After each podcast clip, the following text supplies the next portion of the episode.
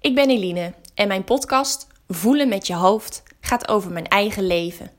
Of eigenlijk over mijn eigen leerproces. Want toen ik een aantal jaar geleden thuis kwam te zitten met een burn-out, ik was erg moe, erg negatief, onzeker, perfectionistisch en later bleek ook nog eens hooggevoelig, is er wel wat veranderd. Met hulp van psychologen en trajecten van verschillende revalidatiecentra heb ik hard aan mezelf gewerkt, heel veel geleerd en inmiddels wordt het plaatje van mezelf steeds completer.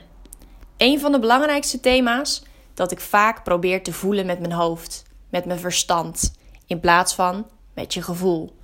Om me daar bewust van te blijven en meer inzicht in mijn eigen gedrag te krijgen, deel ik het graag met je. Om je te inspireren en wie weet herken je je erin.